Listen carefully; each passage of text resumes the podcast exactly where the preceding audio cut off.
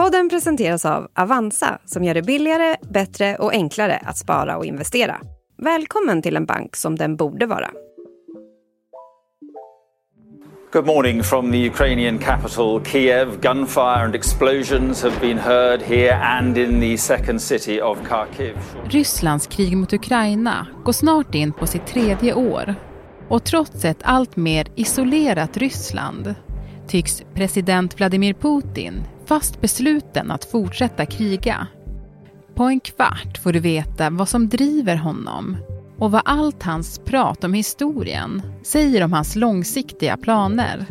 When the dance people of Novgorod invited a Varangian prince, Rurik, from Scandinavia Det är den 22 februari. Det här är dagens story från Svenska Dagbladet med mig, Alexandra Karlsson.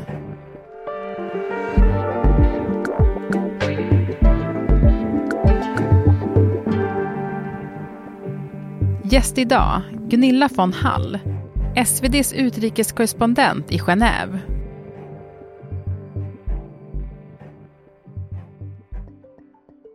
Gunilla, sent på kvällen den 21 februari, för ganska exakt två år sedan, då höll Vladimir Putin ett tv-sänt tal där han gav sin syn på Ukraina.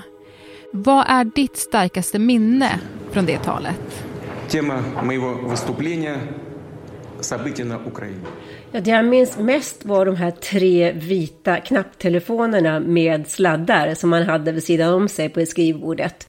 De stod där uppradade och så var det en gigantisk tv-skärm och så var det ett jättestort skrivbord. Och det jag tänkte på mest var att i början var han väldigt tillbakalutad och lite sådär avspänd, händerna på skrivbordet. Och sen ju mer han talade, desto bistrare blev han och mer bestämd och liksom besatt. Просто беспрерывным потоком, демонстративно. Väldigt ödesdiger ton sådär. Och så hade han då en extremt invecklad historisk utläggning. Han pratade om Lenin och Stalin och bolsjevikerna och hur Ukraina hade skapats. Och sen det här slutklämmen där att NATO vill använda Ukraina som språngbräda för att attackera Ryssland och det kommer vi inte att tillåta.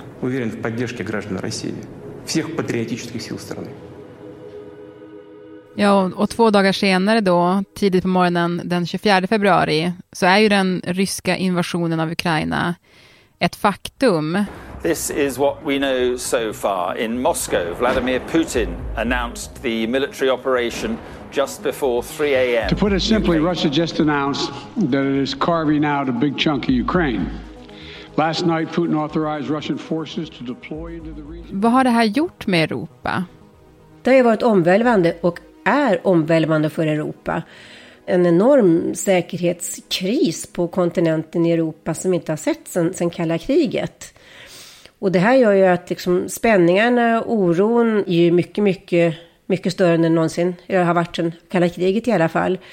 Um, och sen möjligen att det är en del, inte direkt splittring, men det finns olika åsikter, börjar komma fram olika åsikter inom Europa hur man ska förhålla sig gentemot Ryssland. Ska man vara mer konfrontativ eller ska man ha mer dialog? Så att parallellt med den här ökade osäkerhet och instabiliteten så kanske det börjar också finnas lite olika åsikter om hur man ska hantera krisen och kriget i, i Ukraina. Jag menar, och experter och politiska ledare över hela världen försöker ju förstå liksom, hur stort hotet från Ryssland egentligen är. Varför är det så svårt att veta det? Jag tror att det är mycket för att det är ett sånt slutet land, slutet politiskt system. Och sen så är det en sån kombination också av olika, hotbilden är så brokig. Alltså det är både att de har en konventionell militär taktik och en stark stor armé, men så är ryssarna också, verkar vara duktiga på liksom hybridkrigföring, cyberoperationer, desinformationskampanjer. Alltså det är en, bred hotbild. Mm. Och sen är det också att Putin eh, verkar vara så oförutsägbar. Man vet inte vad, vad som kommer att vara hans nästa drag. Mr President, thank you.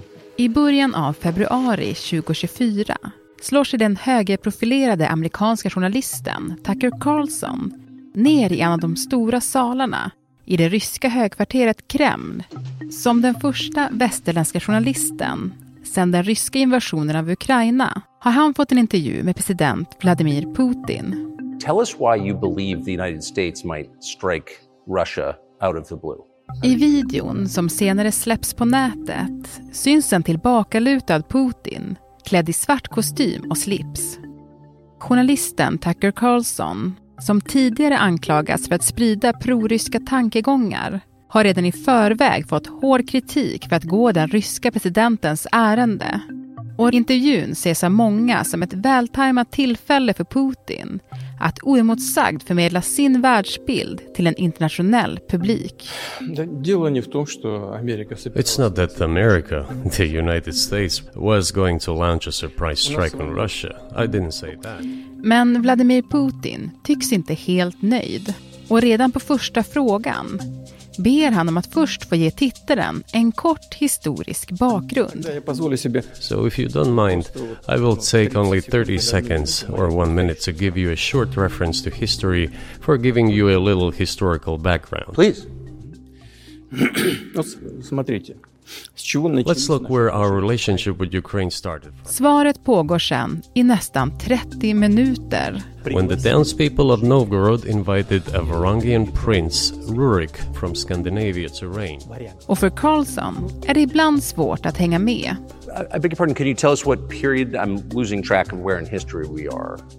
Ja, men Gunilla, det här har ju varit återkommande sedan den fullskaliga invasionen av Ukraina. Alltså att Putin pratar om rysk historia. Hur ska man förstå det? Dels tror jag att det är hans sätt att liksom skapa en berättelse som ska då legitimera hans ledarskap, hans politik, hans position. Han talar liksom om tidigare triumfer, vi besegrade fascismen under andra världskriget och det liksom skapar han en känsla av nationell stolthet, enighet och det är han som leder det här landet. Och sen så när han talar om historien, så, det här historiska perspektivet, så framställer han ofta Ryssland som ett offer. Och därmed har Ryssland rätt att återta sin status som global makt och, och, och områden som tillhörde Ryssland för kanske 500 år sedan. Och sedan den fullskaliga invasionen började så har ju också Putin dragit paralleller mellan sig själv och den ryske tsaren Peter den store som utkämpat många krig. Вот э, Петр I э, Северную войну 21 год вел. Казалось бы, там с, с, воевал с... Э, Men Gunilla, alltså vad är Putins övergripande plan? Ja, den som visste det. Eh, många undrar ju hur det är, vad som sker inne i Putins huvud just nu. Men bedömare jag har pratat med, bland annat då Putins före detta talskrivare Abbas Galiamov som nu har, bor i Israel och är klassad som utländsk agent. Han menar att det på kort sikt är en fråga om att, att liksom vinna det här kriget eller kunna komma tillbaka hem och rädda ansiktet och säga att ja, nu har vi ändå fått tagit 20 procent av, av Ukraina och att han därmed vill befästa sin makt på hemmaplan. Mm. Han säger att, att Putin drivs inte av en önskan att återskapa Sovjetunionen och imperiet, liksom, utan att han, han är ingen romantiker, säger han. Han bryr sig inte om Sovjetunionen till och med, har, har han sagt, utan hans mål är att behålla makt, inget annat. Mm. Han säger att, att när inget hotar Putin kan han vara helt normal, men så fort han känner att hans auktoritet då är hotad, då blir han fullständigt hänsynslös. Putin är som Dr. Jekyll och Mr. Hyde extremt oberäknelig alltså. Ja, och det gör ju att det, den här oberäkneligheten gör ju också att människor blir eh, rädda på sin vakt. Ja, men och, och, och liksom på lång sikt då, Gunilla, vad ser han framför sig där? På längre sikt så är det möjligen så, enligt de bedömare jag har pratat med, att Putin också vill skapa en annan slags värld, en annan slags geopolitisk eh, balans kan man säga, maktbalans där vi har en multipolär värld där det finns kanske USA och Europa på ena sidan och på andra sidan så finns det då Ryssland, Kina och Indien, eh, Sydafrika. Och kanske är det det som Putin vill lämna efter sig. En värld som har flera maktcentra. Och det är det multipolär betyder? Ja, det man kan säga. Han vill uppnå en slags splittring av västländerna. Undergräva västliga institutioner, NATO, EU. Det ska inte bara vara där makten ligger. Mm. Men, men, men hur skulle en sån världsordning påverka liksom ett litet land som, som Sverige till exempel? Det är svårt att säga, men vissa menar att det skulle vara mer komplicerat, en utmaning för små länder. För att man kommer antingen att bli sväljas av någon av de här olika maktpolerna. Eller att man får svårare att hävda sina egna intressen. Det kan vara så, jag vet inte om det är fallet med Sverige om vi går med i NATO nu, men annars om man är en neutral spelare så kan man ju annars bli en slags Eh, som Schweiz till exempel, kunna vara ett land som blir en brobyggare mellan olika poler. Men det förutsätter ju att man är ett neutralt land som inte hör till någon allians direkt. Hej, jag Ryan Reynolds. På Midmobile vill vi like to do opposite of vad Big Wireless gör. De laddar you mycket. We charge you a little. So naturally, when they announced they'd be raising their prices due to inflation, we decided to deflate our prices due to not hating you. That's right. We're cutting the price of Mint Unlimited from $30 a month to just $15 a month. Give it a try at mintmobile.com slash switch. $45 upfront for three months plus taxes and fees. Promote for new customers for limited time. Unlimited more than 40 gigabytes per month. Slows. Full terms at mintmobile.com. Det finns ju en rädsla i många för detta Sovjetstater, alltså just på grund av det här historiska pratet, att Putin ska vilja ta tillbaka de länder som historiskt tillhört Ryssland. Men hur stor är risken för att Putin skulle angripa fler länder? De bedömare jag pratat med, och då har jag pratat med vice premiärministern i Ukraina, med flera statsvetare vid olika tankesmedjor. Och de säger väl att på kort sikt så är det väl Ukraina som eh, Ryssland vill ha så mycket som möjligt av. Mm. Eh, sen kan det möjligen vara så att man, Ryssland vänder blicken mot länder som inte är med i NATO, som Georgien då där det finns ryska befolkningar och Ryssland ockuperar en del. Och i Moldavien, Transnistrien. Och de kanske kan känna en viss oro, men däremot de bedömare jag pratar med tror inte att Putin kommer att ge sig in i NATO-länder eller attackera NATO-länder den närmaste tiden. För att det skulle vara som att väcka en, en ilsken tiger. Och det, mm. det vet han. Du, Gunilla, hur stort stöd har Putin för de här planerna hos det ryska folket?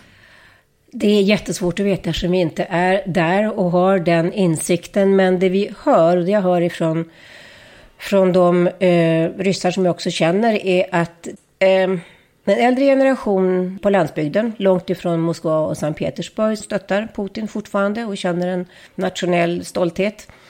De yngre i storstäderna eh, känner en frustration över det här politiska förtrycket och ekonomisk liksom ändå stagnation. Även om ekonomin inte går dåligt just nu så finns det sanktioner. Men det finns en del unga som också tror och står på Putins sida. Och eh, möjligen har att göra med den här nationalismen, patriotismen som han då försöker stärka genom sina olika eh, historiska utläggningar som gör att eh, en del människor känner att ja, det är väst som är fienden och det är vi, eh, det starka Ryssland, vi har rätt att ta tillbaka delar av Ukraina till exempel, som ändå tillhörde oss en gång i tiden. I tiden. Och, och, och en del tror på det fortfarande. Mm. Ja, men och på tal om det, för ett par dagar sedan så kom ju beskedet att den kände regimkritikern Alexej Navalny dött i, i det fängelse då, där han avtjänade ett långt fängelsestraff. Alltså hur påverkar det oppositionen i Ryssland? Ja, just nu så tror jag att de står ganska handfallna. Eh, för han var ju en sån samlande kraft för missnöje. Han var en sån karisma och liksom motståndskraft och mobiliserade anhängare. Han var ju liksom en symbol för oppositionen. Så att just nu så är det väl att det finns en, det är ett slags ledarskapsvakuum, men samtidigt så kan det nog på kort sikt i alla fall vara så att det inspirerar till liksom förnyad beslutsamhet och motståndskraft. Och nu ska vi enas och kanske blir då Julia Navalna som är eh, Navalnys änka. Och hon kan bli en samlande kraft på något sätt. Men eh, jag tror att just nu så, så famlar man lite grann. Vem kommer att kunna ta den här rollen? Det finns ingen. De sitter i fängelse, de andra i, i Ryssland. Mm. Så eh, Putin, han kommer kunna köra på rätt ohotad?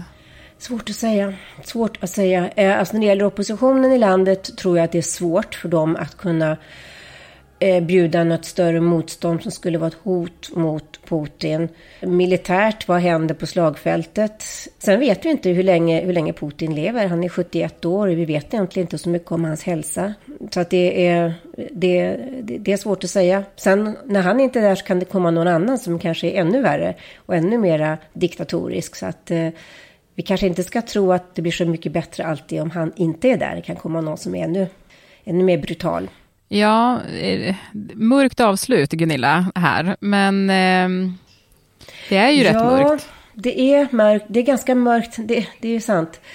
Hur ska man komma ur det här? Och finns det någon chans till någon slags förhandlingar? Just nu gör det väl inte det, men talas mycket bakom kulisserna om det. Och sen jag märkte ju själv när jag var på sån här, jag var på mycket mottagningar här i Genève med diplomatiska eh, delegationer då. Då var jag hos ryska ambassadören för några veckor sedan.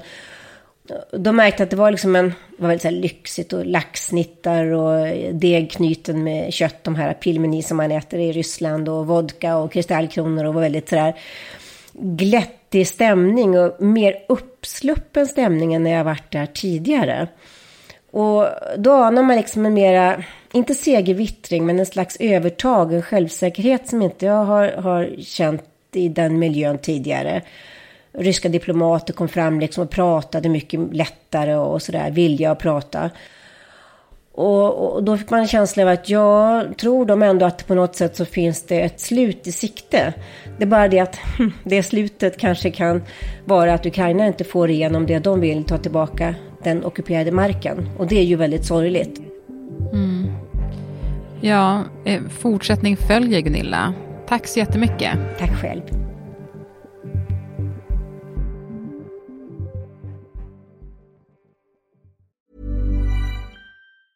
Get ahead of postage rate increases this year with Stamps.com. It's like your own personal post office. Sign up with promo code PROGRAM for a four week trial plus free postage and a free digital scale. No long term commitments or contracts. That's Stamps.com code PROGRAM.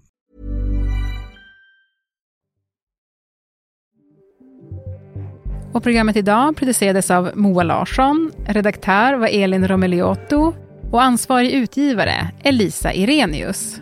Om du vill kontakta oss så mejla till dagensstory.svd.se.